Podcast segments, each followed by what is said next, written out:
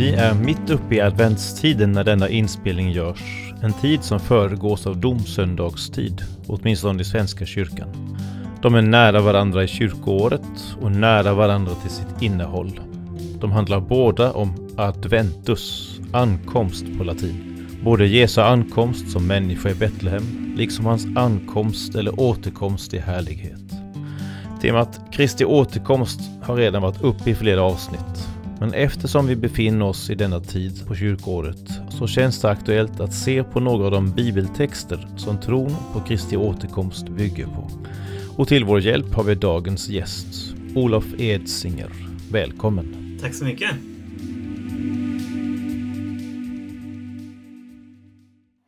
Du är generalsekreterare för Svenska Evangeliska Alliansen, författare till ett 20-tal böcker.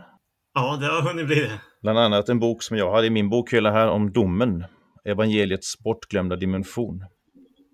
Så var ska vi börja tycker du? Ja, nej, men vi kan ju börja med att säga att det här är ett väldigt centralt tema i Bibeln.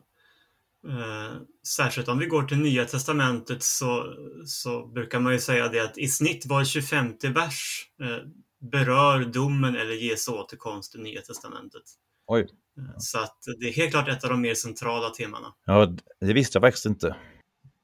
Ja, men det är intressant och jag har också noterat att alla Bibelns, eller Nya Testamentets författare nämner domen eller Jesu återkomst. Även de allra kortaste breven i Nya Testamentet Eh, typ Judasbrevet och liknande. Där, där, där kommer domen med. Så att helt klart, de första apostlarna de upplevde detta som centralt. Ska vi titta lite grann i evangelierna? Det finns ju ett centralt plats eh, i de, till exempel Matteus 24 och 25 kapitel där. Talet om tidens slut. Mm. Det som är lite svårt med de texterna är väl att man inte riktigt vet vad Jesus avser. Om det är den alldeles nära återkomsten i uppståndelsen eller om det är det här som, ska, som, som skedde år 70 efter Kristus och sånt. Eller om det är den yttersta återkomsten han avser. Nej men precis, eh, Matteus 24 inte minst är ju omdiskuterat där. Eh, och eh, jag tror faktiskt att det finns en slags medveten eh, dubbelhet i flera av de här texterna. Ehm, det var aldrig tänkt att vara ett helt färdigt schema som man kan liksom pricka av varje punkt på och, och, räkna ut datum och liknande som ju vissa har försökt att göra. Utan, utan jag tror att det finns en, en medvetenhet i att, att det är lite svårfångat. Mm. Eh, men jag tror ändå grundläggande att första delen av det här talet berör ganska mycket då tiden eh, inför Jerusalems och templets förstöring. Eh, sen tror jag att det finns någon slags försmak också i de verserna på, på någonting som har med den allra yttersta tiden att göra. Och där talar vi ibland om den stora vedermödan som ju också när man kopplar Matteus 24 och liknande texter till Paulus tal i första och andra Thessalonikerbreven och även Uppenbarelseboken. Ehm, men, men det här är ju omdiskuterat och det finns en orsak till det. Det finns många olika skolor. Vissa menar ju till och med att allting i, i Matteus 24 skulle ha, ha inträffat innan templets fall. Det tror jag inte är, rimligt eller realistiskt, utan jag tror att det finns en, en dubbelprägling här. Ja. Är det någon särskild passage i den här i den texten som, som du tänker främst syftar på återkomsten, den yttersta återkomsten? Eh, alltså, det är ju en, en text man kan eh, läsa på flera olika sätt och jag märker det att, att ibland tar vi kanske saker för givet när vi läser de här orden som inte riktigt står där. Eh, Jesus ger ju ett antal exempel då på tecken som ska föregå hans ankomst och eller templets fall. Då, då. Och han talar om falska messiasgestalter. Och det vet vi att det uppkom inför templets fall och det fanns flera judiska eh, irrlärare på olika sätt som figurerade. Men vi har också sett det i hela kyrkans historia att det här är ett fenomen. Det talas om krig, hungersnöd, naturkatastrofer. Och det är ju helt klart så att det, det har vi sett under hela historien och det kommer ju tillbaka i Uppenbarelsebokens texter. Eh, lidande och förföljelse. Han talar om att kärleken ska kallna oss de flesta, men den som håller ut till slutet ska bli frälst. Eh, och även här tänker jag att eh, det kan naturligtvis i viss mån koppla till, till tiden innan eh, templets förstörelse, men jag tror ju att det ännu mer faktiskt har med, med, med hela skeendet att göra. Eh, och, och, det är där vi har tanken på det stora avfallet. Att, eh, jag menar ju personligen att Bibeln inte lovar att det ska bli någon stor väckelse i den sista tiden. Eh, jag, jag blir glad om det är så. Eh, men jag tycker inte Bibelns texter är tydliga med att vi kan räkna med det. Det står att alla folk under den här perioden ska nås på något sätt och att även det är en del av kyrkans uppdrag först och främst, men också en form av tidstecken att, att allt fler folk och stammar får möjligheten att säga sitt ja till Jesus. Eh, men det är inte tydligt att det ska bli en gigantisk skörd mot slutet innan Jesus kommer, utan det finns ju en slags ambivalens även där, att vissa texter snarare pekar på att det kommer bli värre. Och här finns ett uttryck där man talar om den dubbla mognaden, att det faktiskt kan vara så att båda de här perspektiven är sanna samtidigt. Att det kommer att bli värre, hårdare förföljelse, men parallellt med det också en tillväxt. Och även det är ju ett mönster vi har sett i hela kyrkans historia. Och, och i den Sen, personliga kristna ja, erfarenheten också. Absolut. Eh, och sen talar då Jesus om förödelsens styggelse som ska, ska komma på helig plats. Och det brukar man ju ganska tydligt koppla till Jerusalems fall. Mm. Eh, men sen ser vi när Paulus plockar upp samma tråd i, i Thessalonikerbreven att, att där talar han också om, om hur antikrist ska, ska, ska figurera i, i på något vis den religiösa sfären. Så även där tycks det vara en slags dubbelprägling att det här kan ske flera gånger. Eh, och Johannes säger uttryckligen det att Antikrists ande är verksam redan nu, även om det också ska komma en antikrist med stort A, så att säga, i den yttersta tiden. Eh, så det, det, finns många, många saker här. Och det sista jag tänkte säga just om Matteus 24, det är att eh, Jesus talar ju om de här kosmiska tecknen som också ska komma och som vi kommer tillbaka till när vi tittar på Uppenbarelseboken. Men han beskriver det här egentligen mycket som födslovåndor som pekar fram emot att, att det kommer en, en rejäl omskakning eh, vid Jesu återkomst. Eh, och, och lite grann är ju Matteus 24 ett antiklimax som slutar med att när, när det här närmar sig, då ska det vara som i Noas dagar. Eh, ungefär som vanligt, ingen kommer att vänta sig någonting. Så att det blir helt plötsligt så att trots att han har talat om alla dessa tidstecken och sånt vi ska vara uppmärksamma på så, så lite grann drar han ner förväntningarna på slutet och säger att Ja, men det kommer vara ungefär som vanligt. Eh, så, så det tycker jag också illustrerar den här ambivalensen, att, att vi kan inte riktigt nagla fast vad Jesus verkligen ger oss för, för tidsscheman och liknande, men att vi verkligen ska vara uppmärksamma, att vi ska notera tecknen eh, och att vi ska se dem som födslovåndor som framför allt uppmanar oss att, att eh, lägga våra liv i hans händer så att vi, vi har frälsningen säkrad, så att säga. Jag tänker ofta på Jesu första ankomst. Eh, den, den kom ju ganska omärkbart också hos de som, som borde ha märkt det. Och jag tänker ofta att andra ankomsten på något sätt också är bär något av detta tecknet, precis som du beskriver här, att, att det kommer vara som vanligt. Ingen kommer märka någonting förrän, förrän det faktiskt sker. Precis, för det är klart, den, den tydligheten ska vi ha att när det väl sker, då kommer det inte vara någon tvekan. Nej. Och, och, det är ju någonting jag har jobbat med också i, i de här böckerna om, om domstexterna, men också om krigen vi läser särskilt i Gamla Testamentet. Där Gud trädde fram som en krigare. Eh, det var ju så som det judiska folket väntade sig att Jesus skulle komma. Krigarkungen som skulle störta den romerska ockupationsmakten. Eh, och där överraskade han genom att istället komma som det här värnlösa barnet i Betlehems stall, som vi snart ska fira då till julen. Eh, men Jesus är ju samtidigt tydlig med att nästa gång han kommer, då kommer han inte på det sättet, utan då kommer han faktiskt som krigarkungen, eh, som domaren som kommer på himlens moln och ska hålla dom och kalla till räkenskap. Och där kan jag tycka att vi i kyrkan ibland blandar ihop de här perspektiven och, och nästan intalar oss att Jesus alltid bara ska komma som det värnlösa barnet eller lammet om man så vill.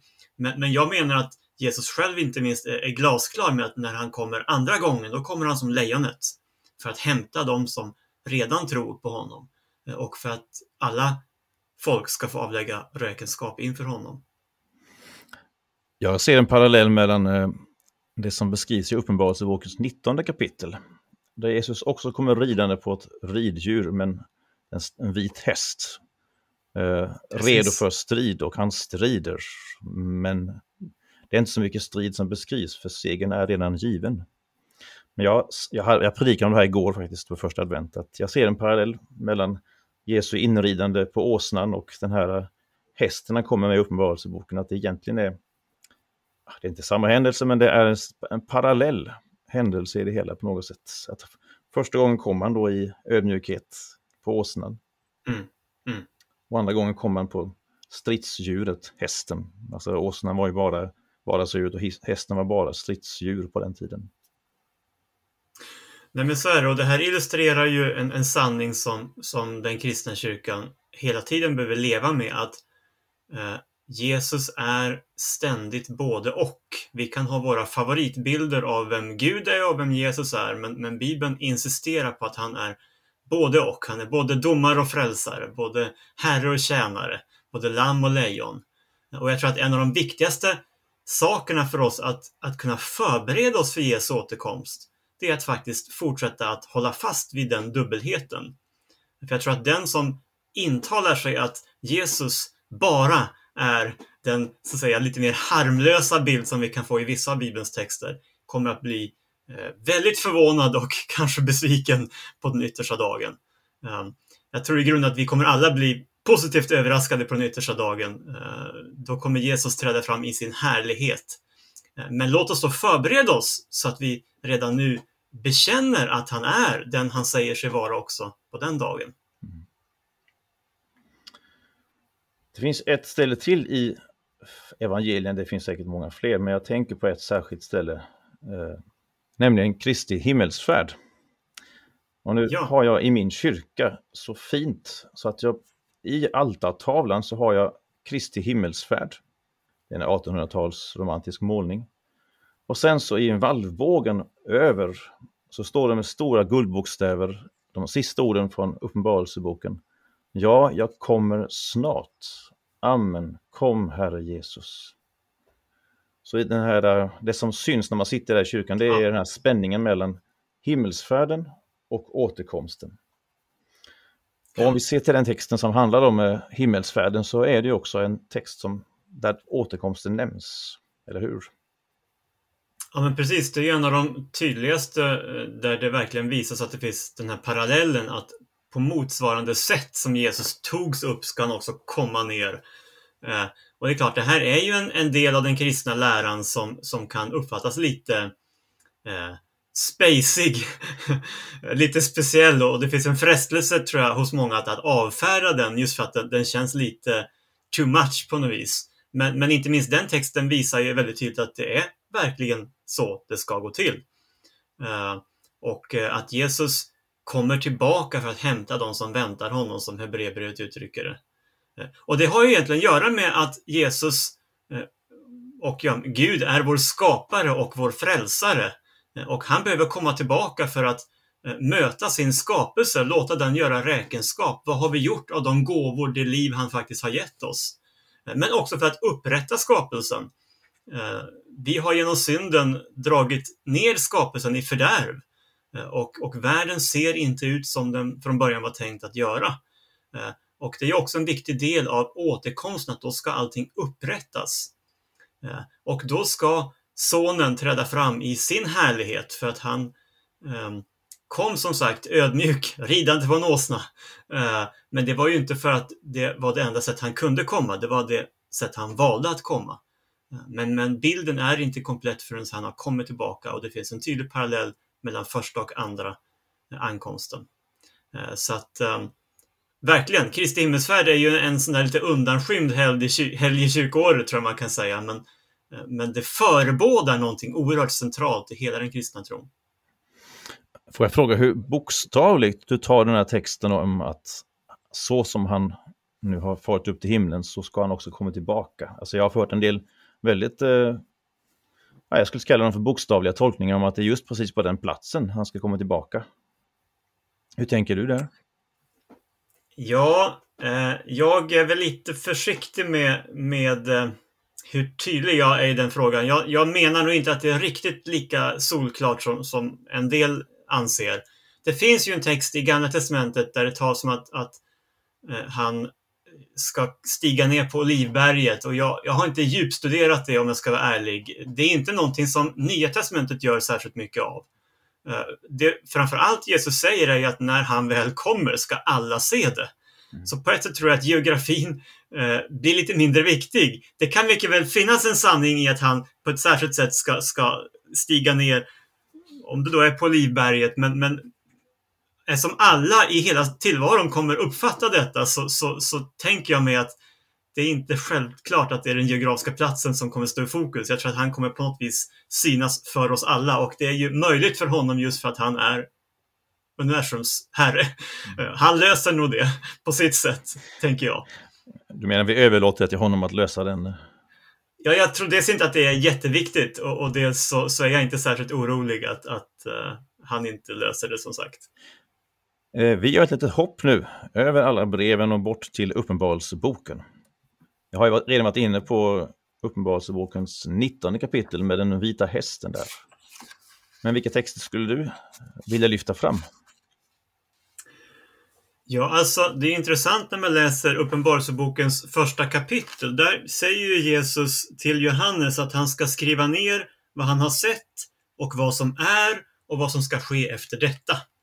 Så redan i första kapitlet anar vi att, att Uppenbarelseboken är både en lägesbeskrivning av där och då, och det ser vi inte minst genom sändebreven som, som skildrar sju församlingar då i eh, mindre Asien som jag i och för sig också tror är ett budskap till kyrkan i alla tider, men, men, men det knyter an till en situation som är, är där och då. Eh, och det gäller ju för övrigt resten av boken också, att det finns väldigt många saker man kan se paralleller till Johannes samtid Eh, och den regim som, som styrde i Rom på den tiden. Eh, men ju längre man kommer, det är helt klart så att de sista kapitlen i Uppenbarelseboken berör ju tiden för just Jesu återkomst och den yttersta domen. Eh, men mellan det här kan vi säga att vi, vi får några skeenden som skildras alltså och det är då de här eh, sigillen, basunerna och vredeskålarna. Och det är som sekvenser då kan man säga i, i sjutal som, som visar någon slags mönster av eh, olika typer av plågor och, och, liknande som kommer över jorden. Och det här är naturligtvis någonting som, som många bibelläsare har funderat, vad, vad egentligen de här texterna säger. Och man kan ju läsa dem på lite olika sätt. Man kan läsa dem som att de här en slags kronologisk skildring, att först kommer då eh, sigillen, eh, sen kommer basunerna och sist kommer vredeskålarna. Samtidigt så är jag inte säker på att, på att det är riktigt så enkelt. Det finns någon slags eskalering här. Ehm, och eh, jag tror egentligen att de här mönstren eh, har upprepats i ganska stora delar av mänsklighetens historia. Ehm, men att det, det Uppenbarelseboken egentligen säger oss det är att det här kommer eskalera och bli mer och mer intensivt. Och det är där jag kopplar samman det med den här eh, talet om till exempel den stora vedermödan. Eh, jag menar, tittar man på Kinas kristna, eller på, eh, ja, jo, ja, Kinas kristna nu. Eh, jag tänkte också på, för att ta skräckexemplet, Nordkorea. De upplever ju i allra högsta grad en vedermöda just nu. Det är ingenting de väntar på. Det, det är en, en fruktansvärd situation. Och för mig blir det en slags hint om att kanske ska vi se att de här texterna ändå aktualiseras på olika platser under hela historien. Eh, men vi ska, när vi erfar de här sakerna, se det just som födslovåndor, se det som att det här pekar fram mot en, en sista dag när faktiskt Jesus också kommer tillbaka. Eh, och tittar vi på de här sigillen och basunerna och vredeskålarna så ser vi till exempel att eh, när sekvensen kring sigill drar mot sitt slut, då är det en fjärdedel som drabbas av krig och svält och pest. Eh, när basunerna har så att säga, fått ha sin gång, då är det en tredjedel som drabbas av, av en hemsökelse. Eh, Medan det då i vredeskålarna blir som ett klimax där hela skapelsen drabbas. Eh, så självklart finns det många olika tolkningar också av det här. Eh, men jag tror att, att vi, vi genom Uppenbarelseboken egentligen förvarnas om ett slags mönster som vi kan identifiera i hela historien, men som kommer bli mer och mer påtagligt eh, och nå någon form av klimax eh, när Jesu ankomst då, ja, närmar sig på allvar. Och då kommer man onekligen till frågan om, om det här har upprepats många gånger och man också har erfarit många gånger att nu är vi nog i den sista tiden. Hur är det, eller är det överhuvudtaget möjligt för någon tid att själv kunna se sig som den faktiska yttersta tiden? Ja, jag tänker flera saker där. Ehm, och det första jag vill säga det är faktiskt att när man läser både Uppenbarelseboken och inte minst Jesu egna ord kring det här så verkar det som att han vill att vi som hans folk ska leva med en förväntan om att Jesu återkomst är nära. Eh, uttryckt ungefär så här att det kristna livet så som det är tänkt kan bara levas eh, med en förväntan om Jesu snara återkomst. För det är då vi är så att säga på tårna på det sätt som jag uppfattar att Jesus förväntar sig att vi ska vara. Så det finns en slags pedagogisk sanning här att eh, om vi så att säga vet att Jesus kommer tillbaka om 500 år, ja, då kommer vi, eller riskerar vi i alla fall att slå oss till ro och tänka att ja, men, det, det blir någon annan generation som får ta, ta det där ansvaret. Så vill inte Jesus att vi ska leva. Han vill att vi ska ha åtminstone en, en realistisk tanke om att det här kan hända också i min livstid. Uh, så jag tänker det är en ganska stor förklaring till också den här ambivalensen jag sa tidigare i de här texterna. Vi behöver leva med Jesu återkomst för ögonen för att kunna leva det liv som, som vi är kallade att leva. Sen är det ganska intressant, jag har tittat lite grann på hur, hur Bibeln praktiskt låter det här få konsekvenser för oss. Ehm, och det är ju påtagligt inte minst utifrån Jesu liknelser om hans återkomst, det är ju att det är väldigt jordnära tillämpning som det här budskapet har. Det yttrar sig i att vi ska förvalta vår tid, våra gåvor och våra resurser. Jesus återkommer till det att vi ska göra räkenskap för våra eh, talenter eller eh, pund är ju en annan bild, men, men det är samma idé. Um, helt enkelt ett gott förvaltarskap, att göra det bästa av det vi har fått. Det är en väldigt jordnära sanning om, om kristet lärjungaskap egentligen, som, som ändå får en extra tyngd utifrån talet om Jesu återkomst. Eh, samma sak med, med att vi är kallade till helgelse, att leva nära Jesus och låta oss bli mer lika Jesus. Eh, det är ju en grundläggande sanning också kring det kristna lärjungaskapet. Eh, men det får någon slags extra tyngd genom att vi en dag ska göra räkenskap. Eh, vi ska eh, stå till svars för, för att vi faktiskt har låtit Jesus påverka våra liv. Och det kan man säga utan att tala om Jesu återkomst, men som sagt, det får en ännu större tyngd genom det talet. Eh, och det sista är ju missionsuppdraget. Alla kristna är kallade att, att vara med och utbreda Guds rike, bidra till att fler människor kan få höra om Jesus, komma till tro på honom. Och även den dimensionen finns. Jesus säger att eh, slutet ska komma när alla har hört. Eh, Petrus talar om att vi kan påskynda Jesu återkomst. Eh, och det tycks vara en kontext av att, att vi faktiskt också vittnar om Herren. När fler får komma till tro så gör det också att, att Jesu återkomst drar närmare. Eh, och som sagt, det som fascinerar mig med alla de här tre områdena, det är att det är ganska jordnära sanningar om det kristna lärjungaskapet. Eh, Eh, men de kopplas också till talet om Jesu återkomst. Ja, om man ställer det till lite kontrast till en del av de väldigt mer spekulativa sätten att förhålla sig till Kristi återkomst, så så tycker jag de målar upp världen, jag, jag tänker nu mycket på det här med eh, dispensationalismen som, som dök upp i 1800-talet och som finns lite grann också i vårt land. Eh, mm. som, som på något sätt målar upp en eh, händelsekedja som inte verkar ha så värst mycket med det kristna livet eller världens erfarenhet att göra i övrigt. Det är så, det är så annorlunda liksom. Så det... Ja, och jag tillhör ju de som säger så här att uh, vi gör klokt att vara ödmjuka inför de här olika perspektiven. Jag tror inte att ett perspektiv kan fånga hela komplexiteten kring den yttersta tiden. Eh, så vi kan absolut lära av olika bibelutläggningar, men, men jag tror också att särskilt det här när man gör ett väldigt tydligt system utifrån en helhets, nästan paketlösning kring hur vi ska läsa till exempel Uppenbarelseboken. Eh, det, vi har ändå sett ganska många gånger att de paketlösningarna inte har levererat. Eh, och, och, då tror jag att den här lite mer jordnära utläggningen eh, faktiskt både är, är, ganska bibeltrogen och, och eh, mer konstruktiv. Eh, det är dessutom så att, att risken om man fokuserar för mycket på det här med var befinner vi oss i tidsschemat, det är att det är en ganska liten del av Bibelns texter som blir särskilt relevanta för mig här och nu. Och jag brukar ta exemplet med, eh, med odjurets märke och 666 ehm, där jag tänker att det absolut kan vara så att det, det i den yttersta av de yttersta tiderna trädde fram en antikrist, ett, ett vilddjur som, som på just konkret um, skapar de förutsättningarna som, som vi läser om i Uppenbarelseboken 13.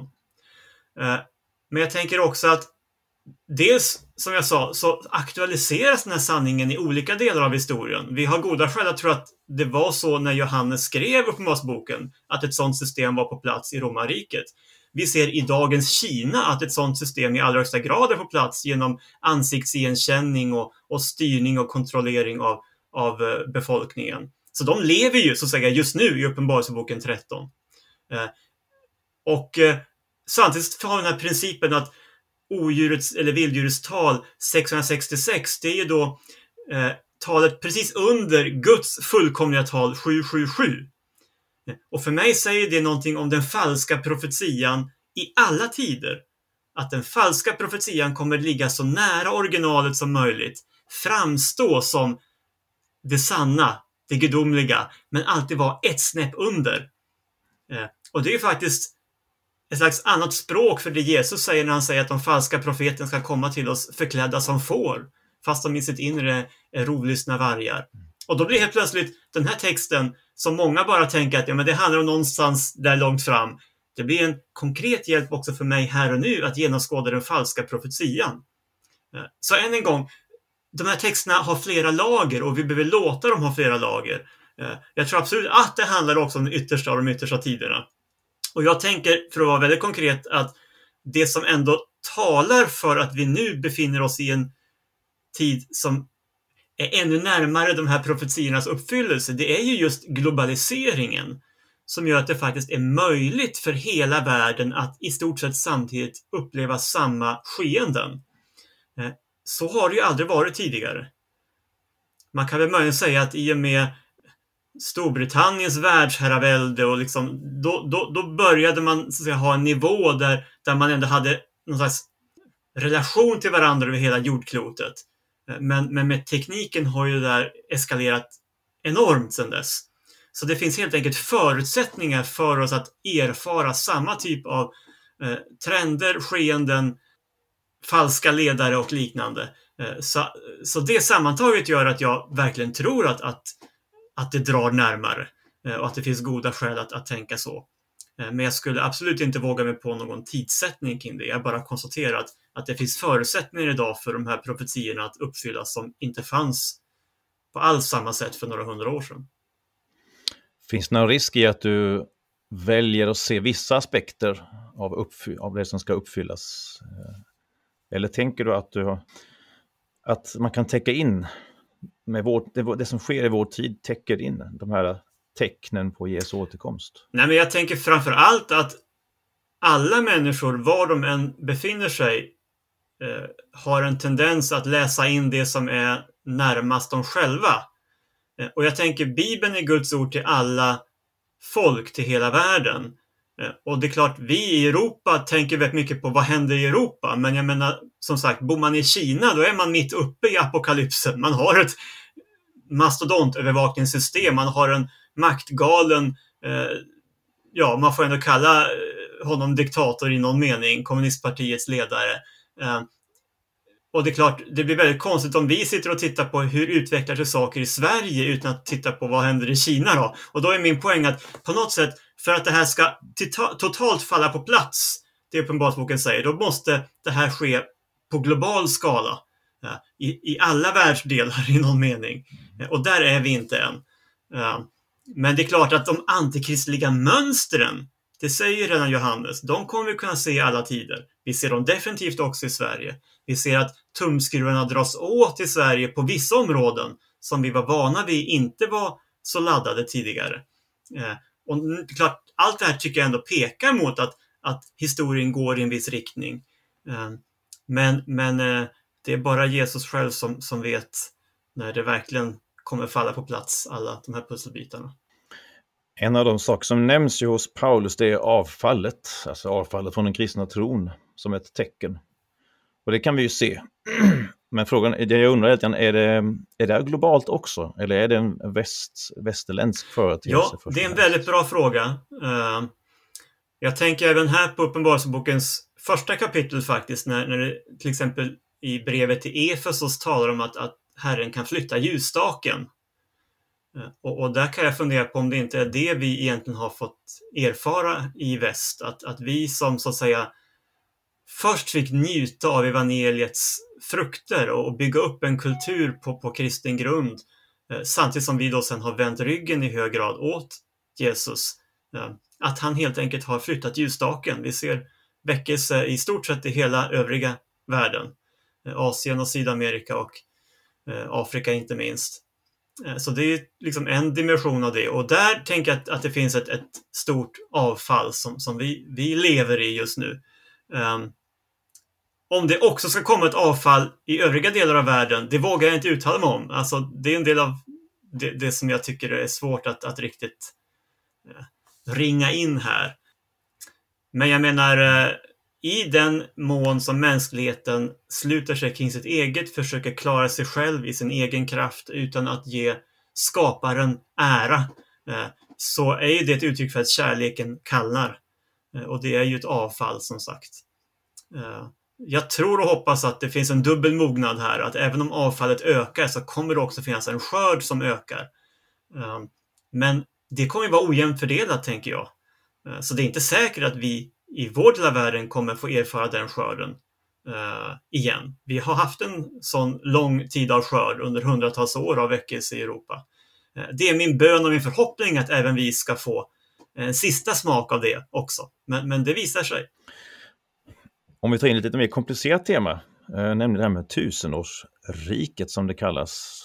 Ja. Eh, har du några tankar kring det? Eh, jag är ingen eh, expert på tusenårsriket. Ehm, det eh, har ju egentligen i hela kyrkans historia varit omdiskuterat exakt hur vi ska tolka de texterna. Ehm, och, och huvudspåren är väl egentligen att tusenårsriket eh, är någonting som föregår Jesu återkomst. Eh, eller att det är någonting som kommer efter Jesu återkomst. Eh, och det tredje är ju att det egentligen mer är en bild för kyrkans tid. Eh, och det kan man beskriva som amillennialism, alltså att, att det här i själva verket är det som just nu pågår i väntan på Jesu återkomst. Och eh, det jag tänker är viktigt att säga det är att i princip alla tal i Uppenbarelseboken är symboliska. Eh, och det jag framförallt kanske reagerar på i en del av de här teorierna, det är att man så självklart tar just den här siffran bokstavligt. När i princip alla andra tal inte är bokstavliga. Jag tror att tusen är ett symboliskt tal helt enkelt. Och det gör att det öppnar för mig för att flera av de här tolkningarna är, är möjliga. Eh, det är inte självklart vad som är den enda bibeltrogna så att säga, vägen i frågan. För det finns ganska goda argument för, för flera av de här hållningarna.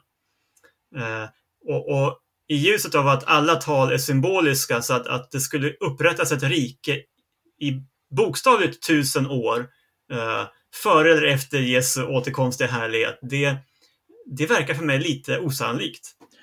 Om det nu är ett symboliskt tal, vilket jag också tror att det är, vad symboliserar det? Ja, det är där då de här olika lösningarna eh, finns som, som tar det på lite olika sätt. Um, det är också ganska starkt förknippat med hur man ser på uppryckandet. Och eh, då blir ju en tanke då... Nu tänkte jag mest, jag tänkte faktiskt mest på själva siffran som, som, eh, som symbol. Alltså som de andra siffrorna är symboler. Ja, men alltså tusen står ju i Uppenbarelseboken för någonting väldigt stort eller till och med oändligt. Eh, 10 000 gånger 10 000 står det i något sammanhang och det betyder ju i princip evigheten. Vi, vi, vi har, medan då en, en kort tid står det i vissa sammanhang. Det står om tre och ett halvt år i flera sammanhang. Ehm, eller 1260 dagar och, och, och, det är ju då hälften av, av det, det fullkomliga talet sju. Ehm, och, och, och det, det, tycks framförallt också symbolisera en slags tidsbegränsad period. Det finns ju mycket man kan säga om talsymboliken i Uppenbarelseboken. Och eh, jag tycker den är fascinerande, men jag tror att ibland så har den blivit missförstådd. Ehm, och jag konstaterar bara att i princip alla andra tal är eh, symboliska, så varför skulle just tusen inte vara det? Jag frågar lite grann därför att jag har fått eh, från någon källa i alla fall att, att i rabbinsk tradition så stod tusen för gudomligt. Alltså något gudomligt och att i det här sammanhanget skulle då vara att Gud skulle regera i sin gudomlighet. Alltså prägla världen på något sätt eh, av med sin gudomlighet under en tidsperiod till exempel. Känner du igen detta överhuvudtaget? Eller är det bara en enda källa jag sett? Ja, men det är flera tal som står för det gudomliga. Vi har nämnt sjutalet och sen 777. Tretalet är också ett tal för Gud. Fyra är människans tal och tre plus fyra blir då Guds tal. Och eftersom Gud är treenig så blir tre, tre sjuor, det blir liksom det fullkomliga. Eh, och så har vi som sagt tusen som också kan stå för det gudomliga. Eh, det finns många, många ingångar i den frågan. Eh, men om man säger så, det som beskrivs som amillennialism, eh, det bygger ju helt enkelt på att det tas som en första och en andra död. Eh, och det är ju en fråga som inte heller är helt lätt att, att bena ut exakt vad står det för. Och en teori är ju då att den första döden, det är helt enkelt när jag dör bort ifrån mig själv, alltså omvänder mig. Och då blir jag ju frälst. Och då ska jag inte se den andra döden, säger Johannes, nämligen den som står för förtappelsen, eviga åtskillnaden eh, från Herren. Den andra döden ska bara de erfara som inte har omvänt sig till Kristus. Alltså det är egentligen en kallelse till mission och till omvändelse. Eh, än en gång blir det en väldigt jordnära utläggning av det här och jag, jag säger inte att, att det inte finns problem med den, men den är fullt möjlig utifrån hur man kan läsa Uppenbarelseboken som helhet. Eh, och, och, och, därför tror jag att vi ska i alla fall inte göra frågan om tusenriket till alltför central i vår teologi. Det är fullt rimligt och okej okay att, att vi har olika syn på det, men, men vi ska vara försiktiga att, att bygga för mycket av vår helhetsteologi på en sån lära, tror jag. Och det, det tänker jag gäller alla, alla delar av skriften som är lite svårfångade, att vi ska knappast göra dem till centrum av vår tro. Men det betyder inte att det är oviktigt eller ointressant. Det bara stämmer till lite ödmjukhet, tänker jag. Men om man ska försöka landa i någonting lite pastoralt, alltså något, eh, något förhållningssätt till det hela. Om man nu skulle vara övertygad om att Jesus faktiskt kommer och kommer snart, det vill säga att historien snart tar slut. Om det, om det nu är det man lägger i innebörden i Kristi återkomst. Hur, hur skulle du tänka kring ja, planering och med barnens framtid och satsa på hus och sådana grejer? Ja, nej men för det första så kan jag gärna ställa mig till den skaran. Jag tror att Jesus kommer snart. Eh, om det är fem eller 50 år eller något annat, det vill jag liksom inte uttala om. Men, men, men jag tycker som sagt, inte minst med globaliseringen och liknande så, eh, så finns det förutsättningar där, där det här ändå och där vi också ser att också den, den säga, liberala eh, samhällsbygget i västvärlden blir mer och mer totalitärt. Eh, så både så att säga diktaturerna och demokra den demokratiska världen drar i en väldigt obehaglig riktning. Eh, den kombon gör ju ändå att, att de här texterna aktualiseras. Det, det, det tycker jag också. Eh, och jag, som jag sa tidigare, så alldeles oavsett om det är 5 eller 50 eller 500 år tills Jesus kommer så vet vi att han vill att vi ska leva med någon slags grundläggande förväntan på att det kan ske snart. Eh, och då blir ju min tillämpning det jag sa tidigare att låt oss då på, ta på allvar vår möjlighet att förvalta vårt pund här och nu. Att inte gräva ner det utan faktiskt eh, helt enkelt försöka med alla tillbudstående medel förhärliga vår skapare och vår frälsare med det vi har fått. Vår, vår del av helheten. Att faktiskt leva på ett helgat sätt, låta Jesus och hans vilja påverka tankar, ord och gärningar. Eh, att se hur vi kan bidra till det stora missionsuppdraget. Och har jag inte kallelsen eh, lika tydligt att åka ut som missionär så kanske ett sätt av förvaltarskapet är att prioritera att, att ge frikostigt till missionsorganisationer inte minst de som når till de minst nådda. För mig är det tydliga steg jag kan vidta för att eh, både bana väg för Jesu ankomst och eh, stå redo när han kommer. Och så får vi påminna oss också om att i grunden är ju hela det här budskapet ett tröstens budskap. Uppenbarelseboken har ju varit en tröstebok. Tyvärr är det en bok som ibland har använts för att skrämma. Ehm, och det finns ett allvar i den boken och i hela Bibeln om, om domen och, och, så som vi absolut inte ska sopa under mattan. Men vi ska komma ihåg att särskilt för en lidande förföljd kyrka har Uppenbarelseboken varit oerhört trösterik. Ehm, och vi behöver hitta den tonen i vår förkunnelse kring detta. Uh, hur skulle du förkunna själv om det? Nu jag har jag redan hört dig förkunna en del om det, men till exempel hur föreställer dig, du dig Kristi återkomst? Det går ju inte att föreställa sig, men man gör ju sig ändå föreställningar. Så hur skulle de se ut hos dig? Nej, men jag, jag tror ju att eh, ja, det, det, det kommer vara en mäktig dag, så vi kommer nog alla vara i någon mening överraskade. Men det fantastiska, framför allt, som vi behöver komma tillbaka till, det är att ingen av oss behöver bli förvånade. Vi har fått veta på förhand genom Guds nåd vad vi har att vänta. Vi vet till och med vilka frågor vi kommer få på den dagen. Känner vi honom? Eh, har vi låtit våra liv präglas av honom? Än en gång, väldigt jordnära och, och, och, och konkreta frågor som, som vi kan leva med här och nu. Eh, och glädjen i att få förhärliga honom med våra liv som också kan sporra oss när vi får lida, när vi möter motstånd. Än en gång, det är därför Uppenbarelseboken har varit en tröstebok för en trängd kyrka, en lidande kyrka, har fått på något vis perspektiv på sitt lidande som gör att det har blivit uthärdligt. Jag vet att det här gagnar ett större syfte, att jag faktiskt ska också få en lön på den yttersta dagen. Så ja, jag talar gärna utifrån, utifrån inte minst Jesu egna liknelser kring detta. Eh, eh, och då tänker jag att den vackra och varma sporren i detta, det blir att jag redan nu har fått nåden att förhärliga Jesus med mitt liv. Eh, det kan inte finnas något större uppdrag i livet än att leva för honom som har skapat mig och honom som faktiskt har gått i döden för mig. Jag tror att det är där trycket framförallt behöver ligga. Självklart finns det ett allvar i det, för säger jag istället nej till det och lever för mig själv och lever för att förhärliga mig själv, då kommer det bli en dag av stor och gruvlig besvikelse. Men jag tror att det är sunt att vi också ser det perspektivet, för eh, det är inget ödesbestämt. Jag kan trots allt, eh, i någon mening i alla fall, avgöra eh, hur den dagen ska utfalla. Så allvaret kan vi inte trolla bort, men, men den positiva kallelsen här, den, den behöver vi eh, formulera på många olika sätt. Eh, och Bibeln formulerar den på många olika sätt, men inte minst när vi möter texterna om Jesu återkomst.